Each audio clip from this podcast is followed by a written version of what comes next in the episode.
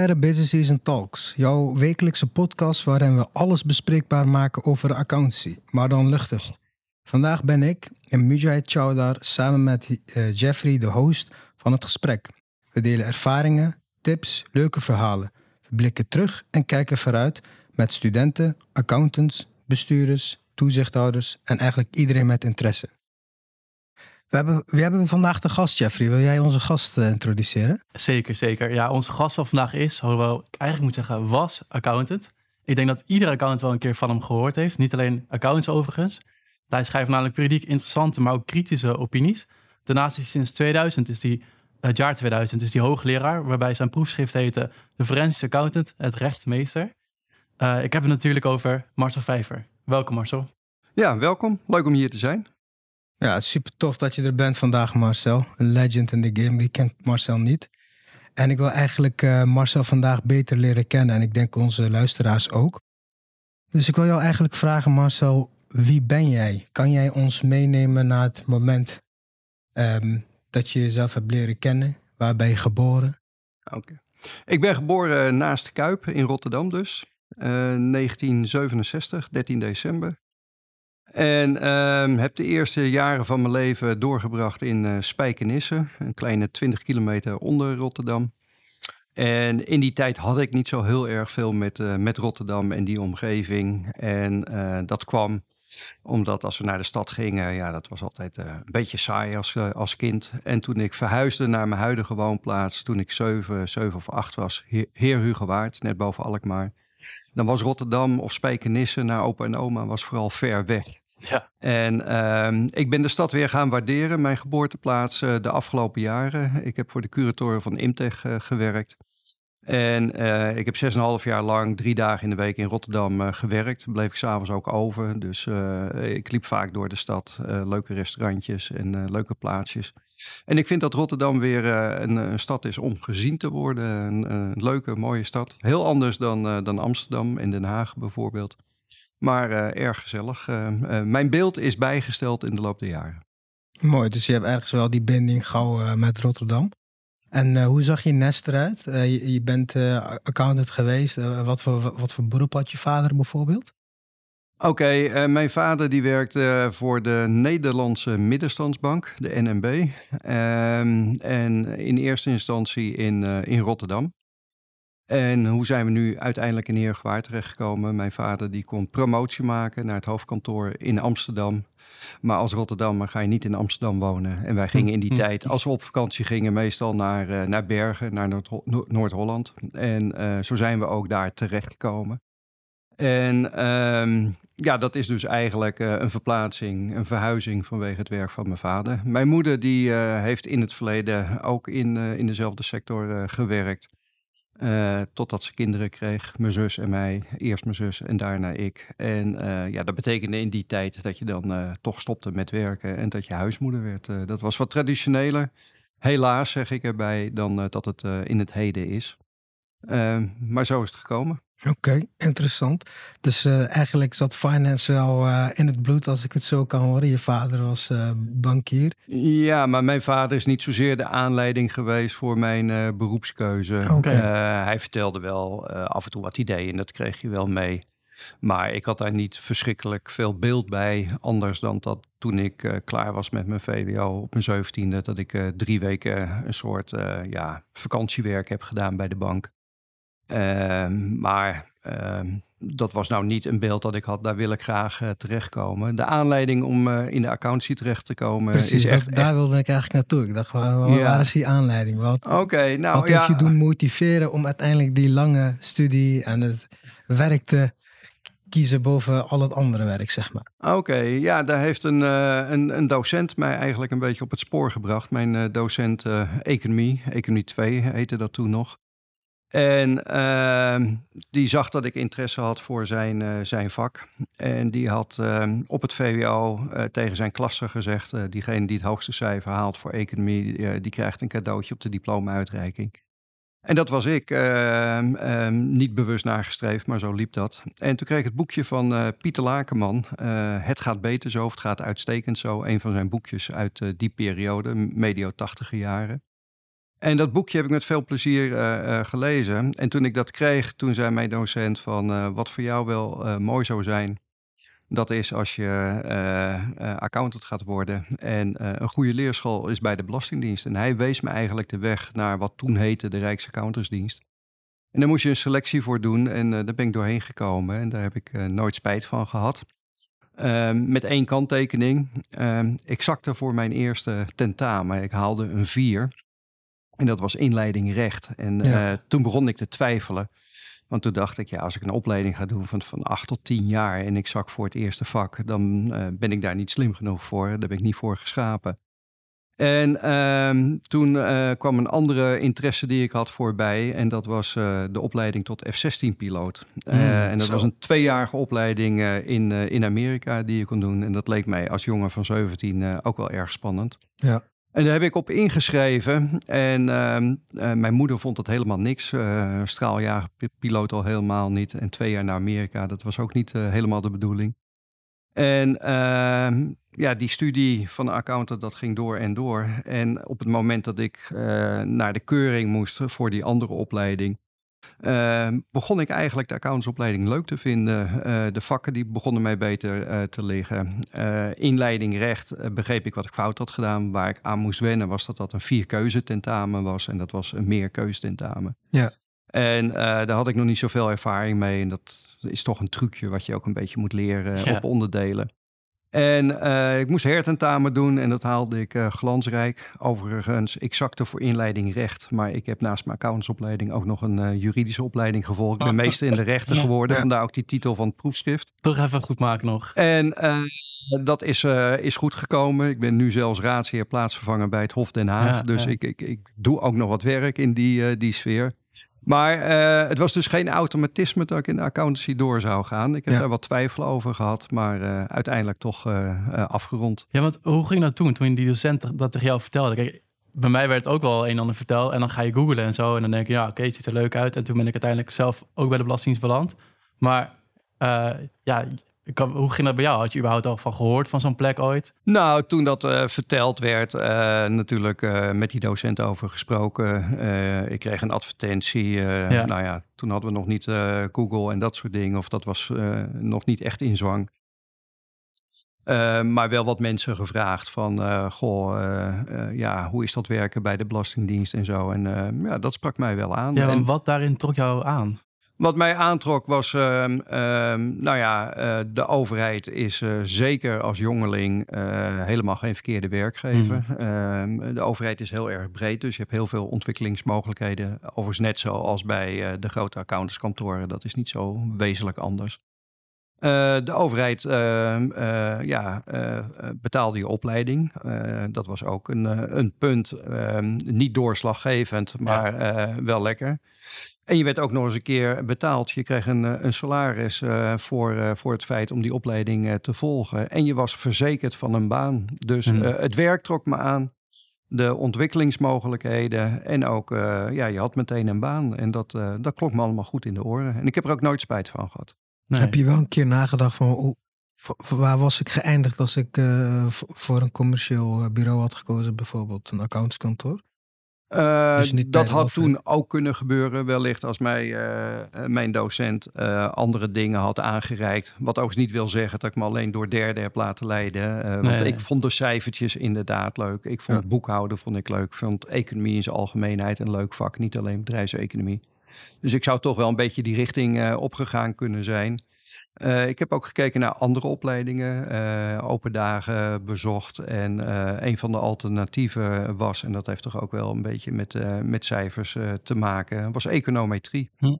En dat hoor ik in mijn vriendenkring wel meer mensen die ooit de afweging hebben gehad. Wat ga ik nou doen naar het VWO of naar het Atheneum? dat um, aan de ene kant accountancy en aan de andere kant econometrie. Uh, dat is een keuze die meer mensen hebben overwogen. En uh, uh, dat had ook zomaar gekund. Maar dat vond ik uiteindelijk te wiskundig. Mm, ja. Het was ook wel met cijfertjes en, eh, en, en, dingen. Maar ehm, daar lag uiteindelijk toch niet helemaal mijn hart. Dus eh, de open dag en de presentaties die werden gegeven en de docenten, dat was allemaal top verzorgd en zo. Dat, dat stootte mij niet af. Maar kijken naar de vakken die ik kreeg, te wiskundig.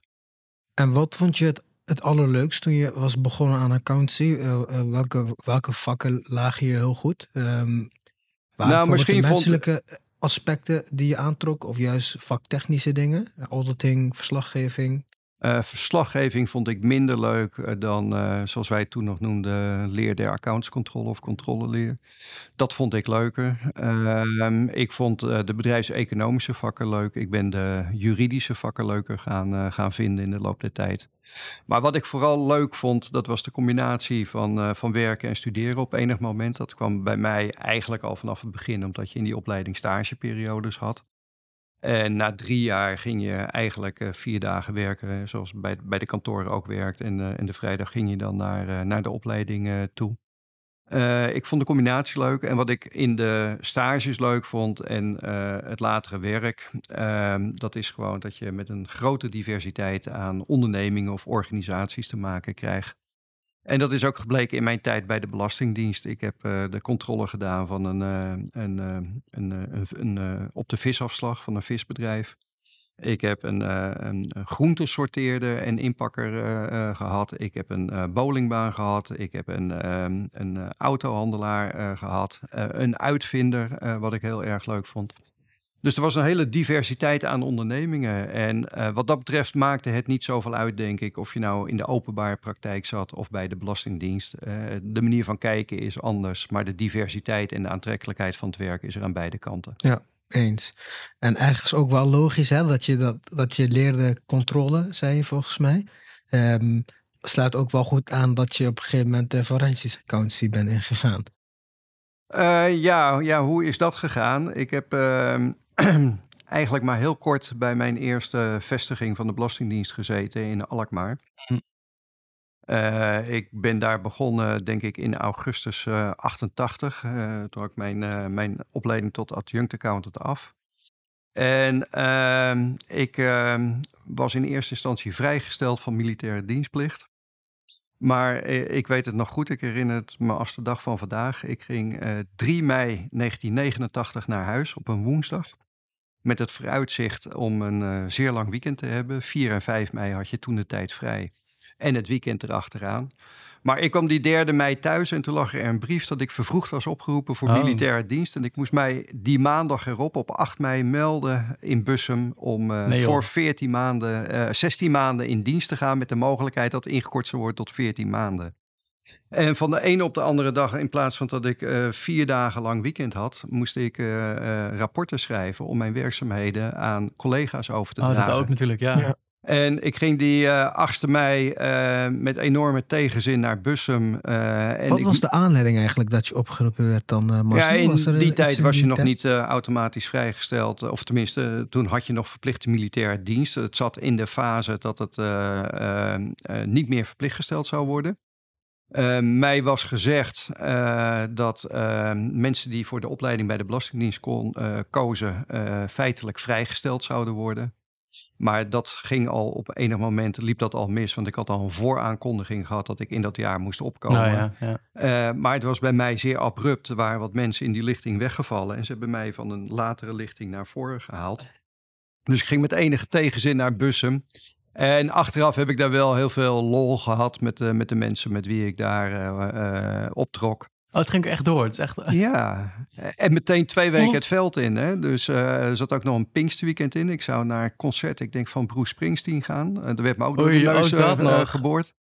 dus dat was een hele merkwaardige ervaring.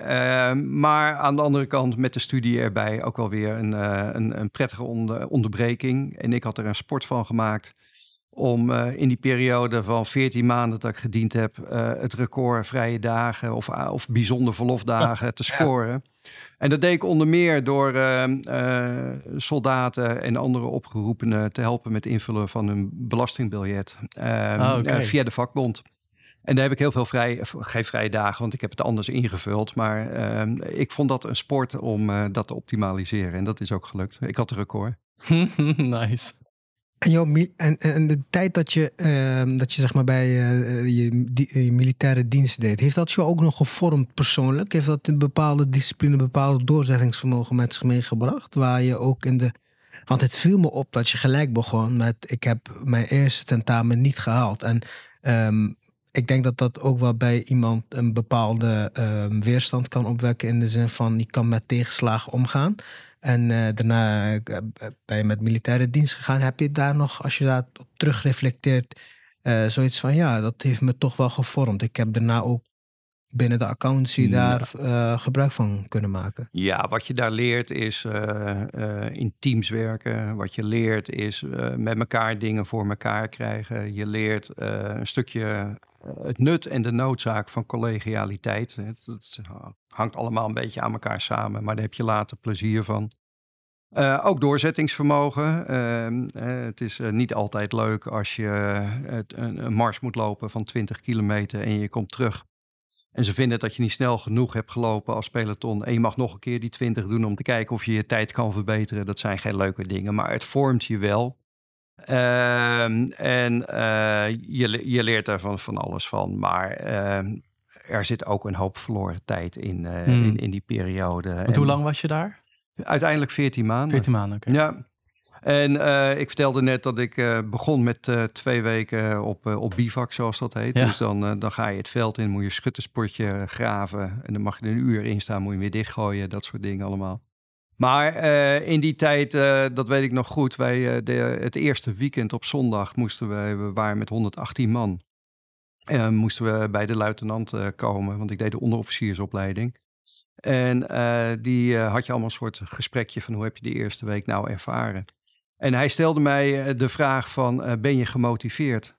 En mijn antwoord was, nee, natuurlijk ben ik niet gemotiveerd. Ik zit hier omdat ik moet. Uh, maar als je mij de vraag stelt of ik gemotiveerd ben, dan is het antwoord natuurlijk nee. Dus toen al, toen zei je gewoon al waar het ja. aankomt. En toen zei hij van, nou, dan ga ik een briefje invullen, want dan kan je je spullen pakken en dan ben je hier vanmiddag weg. Want dan hoor jij niet thuis op de onderofficiersopleiding. Ah.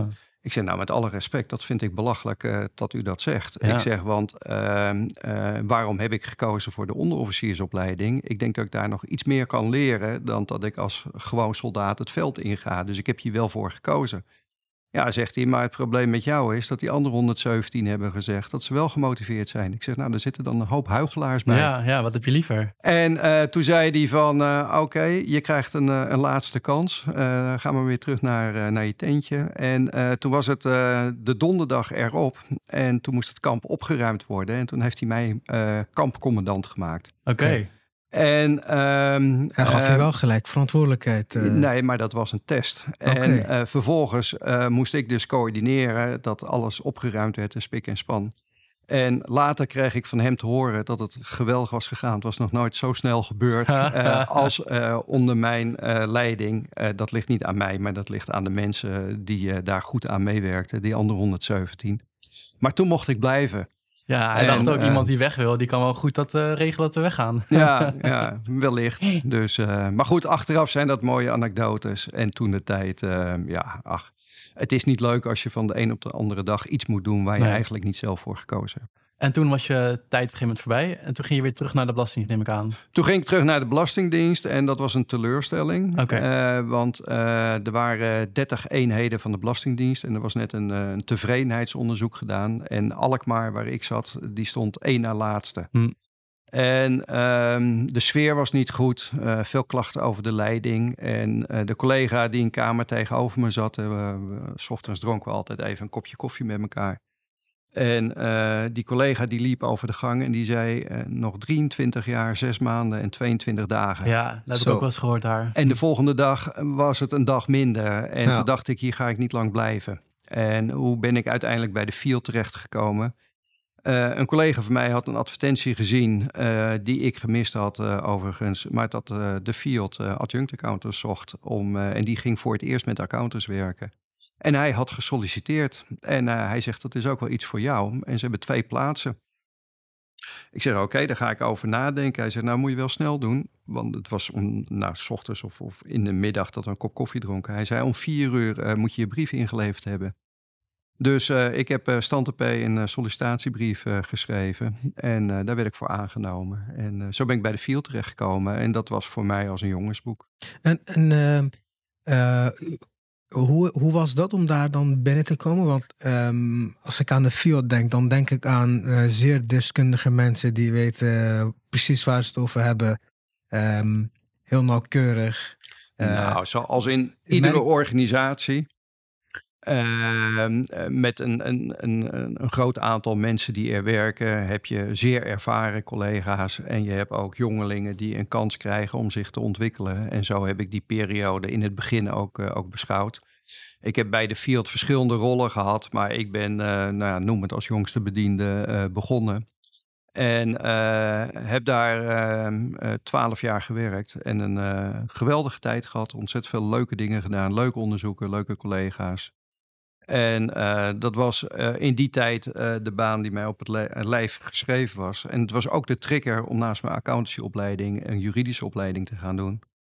Omdat je bij de Fiat werkte, je, je maakte niet een controlerapport, maar je maakte een procesverbaal. Mm, ja. je ronde niet een, een, een, belastingcontrole af, maar je was bezig met een strafrechtelijk onderzoek. En dat strafrechtelijk onderzoek werd voorgehouden aan een rechter. Daar waren advocaten bij betrokken, officier van justitie. En wat ik wil zeggen is uh, dat uh, daar mijn interesse voor het recht is gewerkt. Ja. Uh, maar ik had het recht ook de kennis van het recht ook nodig om de dingen zo op te schrijven dat die anderen er iets mee konden. Ja. En dat is voor mij ook de route geweest naar de forensische accountancy. Ja, precies. Want vervolgens heb je twee opleidingen, accountancy en rechten. Je moet twee keer een scriptie schrijven. En zoals iedere student zou doen, dan zoek je een scriptie die in het midden ligt. en dan probeer je die bij beide opleidingen kwijt te kunnen. En dat is mij ook gelukt. En dat was precies dat onderwerp forensische accountancy op het grensvlak van recht en accountancy. Alleen mijn uh, hoogleraar, de begeleider, Hans Kuil, die zei van uh, Vijven, prima één scriptie, maar wel een dubbele omvang. Want je doet hem voor twee opleidingen. Dus ik kwam er niet mee weg om één scriptie in te leveren. Maar dat was uh, uh, hartstikke goed, want dat betekende dat uh, dat vakgebied was in opkomst. van mijn scriptie werd een boekje gemaakt. dat boekje en de aandacht ervoor en de groei binnen de accountskantoren voor dat onderwerp forensische accountancy heeft geleid tot een opleiding en uiteindelijk ook tot mijn keuze om een proefschrift te schrijven. En dat was later de weg naar het hoogleraarschap. Het voelt nu ook nog een beetje in opkomst soms, maar dat is meer uh, ja, de, eh, de, groei is met vallen en opstaan uh, gegaan. we hebben ook de tijd gehad dat met name forensische accountants voor de tuchtrechter stonden. Ja. En dat was ja. verklaarbaar. En dat was ook een beetje de strekking van mijn proefschrift. voor de controle hebben we ontzettend veel regels. Maar hoe je een forensisch onderzoek moet doen, hebben we heel weinig regels. En mm. dat betekent ook dat er gepioneerd werd, dat er fouten gemaakt zijn. En dat de tuchtrechter dat ook heeft vastgesteld. En toen zijn de kantoren er ook een tijdje wat meer in de luwte gaan zitten. En ik denk dat het nu uh, een beetje bestendig is. Het maakt niet echt meer een groei door. Uh, dat zou best mogen. Uh, als we kijken naar de aandacht die het vak heeft voor ja. fraude. Dan zou je wat meer forensische accountants misschien wensen. Ook bij de kleinere kantoren. Maar goed, dat komt misschien wel of misschien ook niet. Ja, want misschien voor we daar diep op ingaan. Wat is nou echt het verschil met de forensische accountant en gewoon een normale accountant die eigenlijk ook meer met fraude moet doen?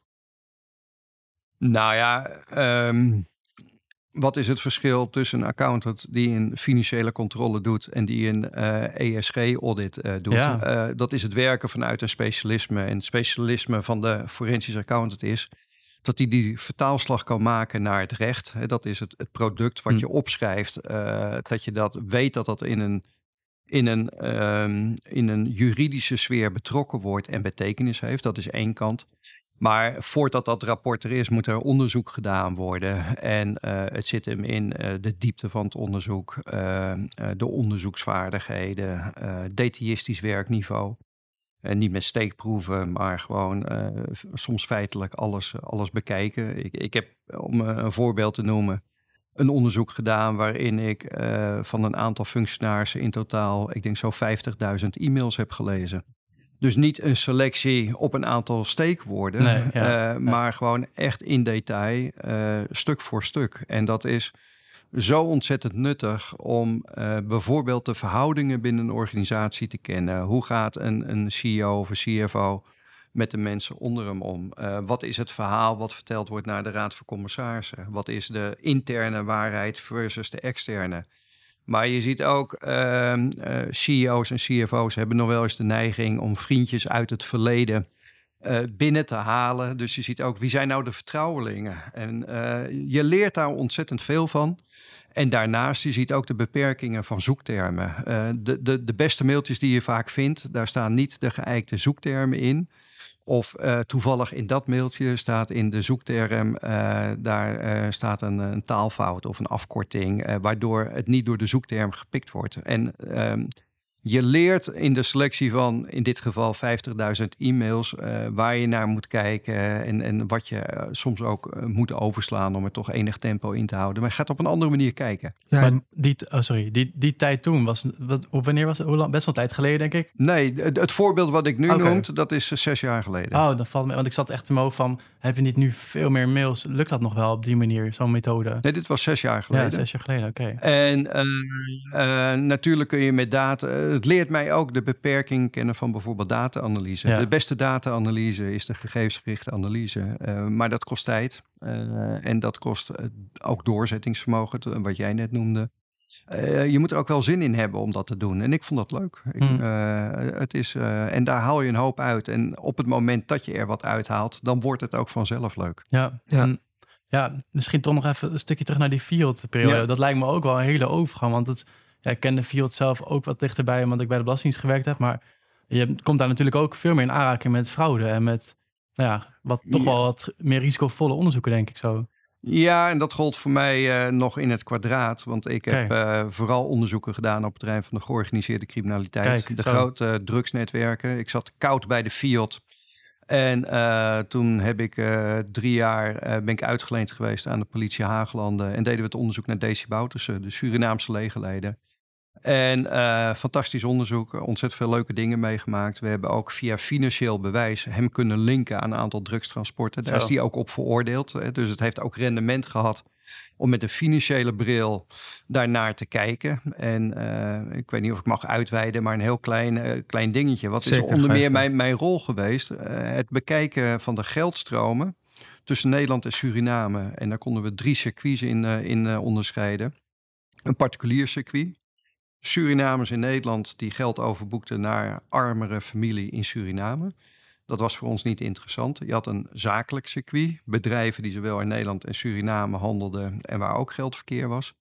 En je had een circuit waar een groot vraagteken stond, omdat niet helemaal duidelijk was wat gebeurt er nou Hmm. precies. Nou, dat circuit bleek uiteindelijk het meest interessant te zijn. Daar hebben we ook opgezoom- eh, op ingezoomd.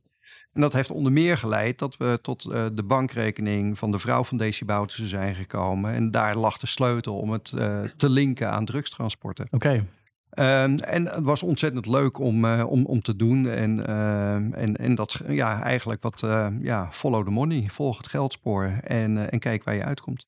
Ja, heb je dan als, eh, ik denk dat je dan als forensisch accountant en vooral bij de, de field ook wel meer middelen, meer ehm, eh, gereedschappen meekrijgt om, om je werk te doen. Want ik kan me niet voorstellen dat eh, bij een reguliere audit, dat je zeg maar überhaupt zoveel tijd eh, ga je er niet in steken, denk ik. Maar ook, ook, ook zeg maar de, de, de, de, de gereedschappen om zeg maar ja, dat, datgene op te kunnen sporen wat je eigenlijk moet doen. Eh, op zich is dat zo, Eh, want eh, bij de Fiat is onderdeel van het werk het doen van huiszoekingen. Onderdeel van het werk is het aftappen van telefoons of in de huidige tijd het, het, het monitoren van e-mailverkeer of appverkeer en, en dat soort dingen. Maar wel steeds met de kanttekening dat er rechtelijke toetsing plaatsvindt of de inbreuk die je maakt op de privacy van verdachten of andere personen, of dat wel gerechtvaardigd is. Dus je hebt meer middelen, maar er moet ook wel een goede aanleiding zijn om die middelen in te zetten. En het ultieme, een van de ultieme middelen is natuurlijk dat je iemand eh, eh, mag aanhouden. Ehm, in bepaalde gevallen is daar ook toestemming van een rechter voor nodig, een rechtercommissaris. Eh, ja, en dan zit je opeens met iemand in een hokje als dit. En eh, dat is voor mij het werk, maar dat is voor die persoon natuurlijk zeer bedreigend. Dat hij ergens van verdacht wordt, dat hij zich moet verdedigen en zo. Ja. Eh, en dat, ja, dat geeft ook een bepaalde dynamiek. En als je het weer hebt over wat is nou het speciale van de forensische accountant, ja, interviewtechnieken of verhoortechnieken noemen wij dan. Eh, hoe ga je met mensen om? Hoe krijg je toch eh, in een gespannen situatie contact met elkaar? Dat vereist ook een stukje sociale vaardigheden. En dat zijn dingen die je in de accountantsopleiding niet leert. En dat moet je ook in de praktijk ja. leren. Hoe gaat, ja, ik zit dan in mijn hoofd ook bij Boutsen nog, dat ik denk van, dat is wel echt een high profile. En als je dan ook tegenover hem komt zitten, misschien bij hem niet zo letterlijk, maar Ja. hij komt er vast wel achter dat dat jij daaraan werkt op een gegeven moment. En hij heeft iets meer middelen dan de gemiddelde Ja, eh fraudeur die ik ben tegengekomen, denk ik. nou ja, ik heb een beetje het nadeel dat mijn naam eh, niet zo heel erg vaak voorkomt. Ja, dat ook en nog. Eh, dit heeft bij mij wel meegespeeld. Een kleine anekdote. Ik mocht voor de MBA, of toen nog het NIVRA, mocht ik eh, een PE-cursus geven in Suriname. Dat heb ik eh, drie keer gedaan. Ik ben drie keer in Suriname geweest. En eh, het hotel waar je dan zit, dat is het Torarica Hotel. En dat ligt naast Fort Zeelandia. En Fort Zeelandia is in Suriname bekend van de decembermoorden... waar Bouterse van, ook van verdacht werd, naast de druk, gezellig. drugstransporten. En de eerste keer dacht ik, omdat ik in die tijd van dat onderzoek ontzettend veel gelezen heb, ook over Suriname en ook over die decembermoorden, waar die nu voor vervolgd wordt. eh, ik ga naar Fort Zeelandia. Ik wil die plek zien waar het gebeurd is. Maar eh, ik heb in die tijd verhalen gelezen eh, over de moorden die er zijn geweest, wat eraan vooraf ging. Bij een aantal van de mensen die vermoord zijn, zijn de geslachtsdelen afgesneden en voor de honden geworpen, Oké. bijvoorbeeld. Ik kon me er niet toe zetten om naar die plek toe te gaan. Nee. En ik zat in het vliegtuig terug naar huis en ik had er spijt van. De tweede keer dat ik daar kwam, eh, kwam ik weer vanaf het vlie- vliegveld met mijn taxi de oprijlaan van eh, het hotel op. En er stonden allemaal zwarte busjes, links en rechts van die oprijlaan. En er stonden mannen met geweren en zo.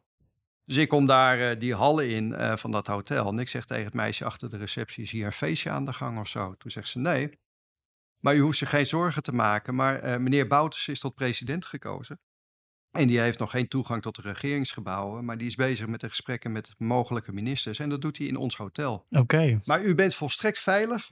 U slaapt toevallig in de kamer precies onder hem. Ja, en toen was jij bezig met je onderzoek. Nee, dat was al lang afgelopen. daar, zat, daar zat 17 jaar tussen. Maar hij heeft Hij natuurlijk nog alle wel. dossiers. Dat, ik weet niet of hij het wist. Maar eh, in ieder geval, hij en zijn advocaat hebben wel alle dossiers gehad waar ik eh, honderden keren Ja. met naam en toenaam sta. Ja, dus eh, toen voelde ik mij niet echt prettig. Ja, wat doet dat met je dan? Zo, wat- ja, ik bedoel, het is, het is mooi natuurlijk, hè? vertrouwenspersoon, maatschappelijk verkeer. Maar ja, ten koste van wat? Dus nou dit ja, gaat wel ik ver. ben in die functie eh, niet de vertrouwenspersoon Nee, zoals. Limperg dat bedoeld heeft. Ik ben een ambtenaar in functie. Eh, ik, ik vond het niet prettig dat dat zo was. Maar ja, ja, ja, over het zebrapad lopen is ook niet altijd veilig. dus, en het was inmiddels, eh, ik heb dat onderzoek gedaan in eh 92 tot eh, begin eh 95. En ik spreek nu denk ik over 2012. Ja. Dus eh, ja, het was ook wel een eh, fors aantal jaren later. Maar goed, eh, vijver is wat anders dan dat je Jans of de Ja, Boer nou ja. of... En heb je bedreiging of zo gehad, Marcel? ik heb in die tijd een, niet in het onderzoek Boutersen, maar wel in een ander zoek wel eh, te maken eh, gehad. Een keer met, met bedreigingen. Eh, ik heb ook veel samengewerkt. Dat was mijn teamleider met Fred Teven. Ja. En eh, Fred Teven die is eh, wel bedreigd. Eh, die heeft ook een, eh, een aantal maanden heeft hij, eh, eh, beveiliging gekregen. En wij reden altijd samen naar kantoor. Dat stopte toen even, want toen werd hij naar kantoor gebracht door, eh, door anderen. Ja. Maar eh, ik was naast een collega van Fred Teven. En Dat is die, de eh, Fred Te- Teven, ja, toch? de, de, Ja, de, de Fred Teven. Oké. eh, ja. En Ja. wat doet dat dan met je? Laat je je dan ook intimideren of, of probeer je je sterk te houden op een of andere manier? Ehm, als je, je moet een bepaalde nuchterheid hebben. Ehm, als je je daardoor laat intimideren, dan moet je ander werk gaan doen. Ehm, ik heb altijd de houding gehad, en zo ga ik overigens ook om, hè, om even een overstap te maken naar de NBA of eh, collega's. Onderweg Mhm. hier naartoe heb ik bijvoorbeeld een half uur gesproken met een bestuursvoorzitter van een van de Big Four kantoren. Eh, je moet anderen, ook al denk je over zaken anders, met respect behandelen. en ik heb altijd mijn werk gedaan. En ook als ik in een verhoorsituatie zat, de verdachte is een mens. En de verdachte is geen boef. Eh, of iemand een boef is, excuus. Dus niet aan mij om te bepalen, dat is het oordeel van de rechter. Eh, dus wees fatsoenlijk, daag niet uit. Communiceer met elkaar. Ja. Ehm, en als je dat doet, eh, dan ga ik ervan uit dat die ander ook respect naar, eh, naar jou eh, toe, toe heeft. Maar goed, in de onderzoeken naar de georganiseerde criminaliteit zit je natuurlijk wel in een hoek waar je risico loopt. Dat is gewoon zo. Ik zie al gelijk wel, wel ja, best wel wat verschillen tussen forensisch accountancy en accountancy dat ik zelf zeg maar gewend ben. En ehm, we zien ook hè, vanuit uh, de, de, maatschappij, maar ook vanuit uh, toezichthouders krijgen we commentaar als, als accountant dat, dat bijvoorbeeld fraude-risicoanalyse of nog, nog meer aandacht vragen en dat daar nog een tandje bij moet. Um, vind je, hoe kijk je ernaar, Marcel? Vind je dat uh, Een paar tandjes. Een tandje is te zuinig. Er moet veel meer gebeuren. Uh, en ik zeg altijd, en ook deze week weer in een aantal colleges die ik heb gegeven, uh, dat komt niet omdat de toezichthouder dat vindt, of de wetgever, of dat ik dat vind. Maar dat komt omdat in NV Kost 200.5 staat dat de accountant een redelijke mate van zekerheid mm. geeft dat financiële verantwoording vrij is van materiële gebreken als gevolg, en nu komt het, van fraude of fouten. En dat heeft het accountantsberoep zelf zo gecodificeerd, in, in de regels gezet en bepaald. En uh, de AFM heeft dat genoemd de belofte van de accountant aan maatschappelijk verkeer. En zo zie ik het ook. Uh, als jij als accountant je handtekening ergens onderzet, dan, uh, dan moet dat betekenen als je goedkeurende verklaring geeft dat die materiële gebreken als gevolg van fraude of fouten er niet in zitten. Ja. En dat betekent dat je serieus moet kunnen laten zien. Dat wil helemaal niet zeggen dat je puur en alleen met een fraudeblik die controle gaat doen. Dat staat helemaal nergens. Dat zal ook niemand van je vragen. Maar wat wel gevergd kan worden, is dat inderdaad die fraude-risicoanalyse adequaat is. Daar begint het mee. Bij je klant maar ook bij de toetsing door jou van wat jouw klant heeft gedaan en eventueel je eigen aanvulling daarop. En uh, laten we het laatste rapport van de AFM pakken. Mm -hmm. 32 dossiers, 27 keer voldoet het niet. Maar de meest beangstigende, uh, los van de cijfers, uh, bevinding is wat mij betreft dat hoe dieper je in het proces komt, hoe meer gebreken er zijn geconstateerd. Dus dat betekent dat accountants op dat punt hun werk te oppervlakkig doen. En er worden ook voorbeelden in het rapport genoemd die volledig stroken met mijn ervaringen mm. als ik dossiers te zien krijg. Uh, gewoon onvoldoende diepgang, onvoldoende kennis. En, uh, maar ook niet de juiste mindset. ja. Maar bij die mindset, hè, als je vanuit de field zeg maar je werk doet, dan weet je eigenlijk, oké, okay, er ligt wat, er is wat en ik, ik zou er zeg maar met die bril naar moeten kijken. Terwijl vanuit de reguliere audit uh, ja, je gaat er niet aan de voorkant ervan uit dat je klant, uh, dat daar mogelijke fraudegevallen okay. uh, spelen bijvoorbeeld. Dus dan... Ik, ik heb deze week gedoseerd en een college gegeven en daar heb ik ook een voorbeeld genoemd. niet, niet een van de hele grote bekende zaken, maar de Mitra-casus gaat over een drankenhandel. En daar is de accountant voor de tuchtrechter aangesproken omdat hij niet had gezien of niet voldoende had gecontroleerd uh, de memoriaalboekingen. En wat is kort gezegd de casus? Hij had een controle gedaan op een Excel-sheet met memoriaalboekingen. Maar wat de accountant niet had gedaan, is uh, kijken in de uiteindelijke boekingen of die Excel-sheet juist en volledig was. Dus je hebt een controlestap overgeslagen. Uh, gewoon die Excel-sheet controleren is prima, maar dan moet je ook kijken wat is er vervolgens mee gebeurd. En daar ja. zat een gat tussen. Ja. En in dat gat, daar zat nou net de fraude. Daar is 22 miljoen uiteindelijk afgeboekt. De tent is failliet gegaan. En de curator die zegt van die accountant heeft zitten slapen. Nou, dat vond de tuchtrechter ook. Het is een heel simpel voorbeeld wat laat zien dat het, eh, het gaat helemaal niet om het axiomatisch voorbehoud. Het gaat helemaal niet om iets wat je niet had kunnen ontdekken. Het is gewoon een heel simpel voorbeeld. Tweede, je werk doen eigenlijk. Tweede voorbeeld, SHV Eriks uh, zit in de richting van, uh, van witwassen. Daar heeft de tuchtrechter gezegd. Uh, je hebt je controle, je hebt je ogen niet gesloten tijdens de controle. Je hebt je ogen niet eens open gedaan. Okay, ja. Nou, dat is ongeveer het zwaarste verwijt, denk ik, wat je als accountant kan, mm. kunt krijgen. En uh, ja, wat speelt daar? Het gaat om betalingen om opdrachten binnen te halen in het Midden-Oosten. Uh, en daar werk je vaak met nou ja, steekpenningen, commissiebetalingen, noem het maar.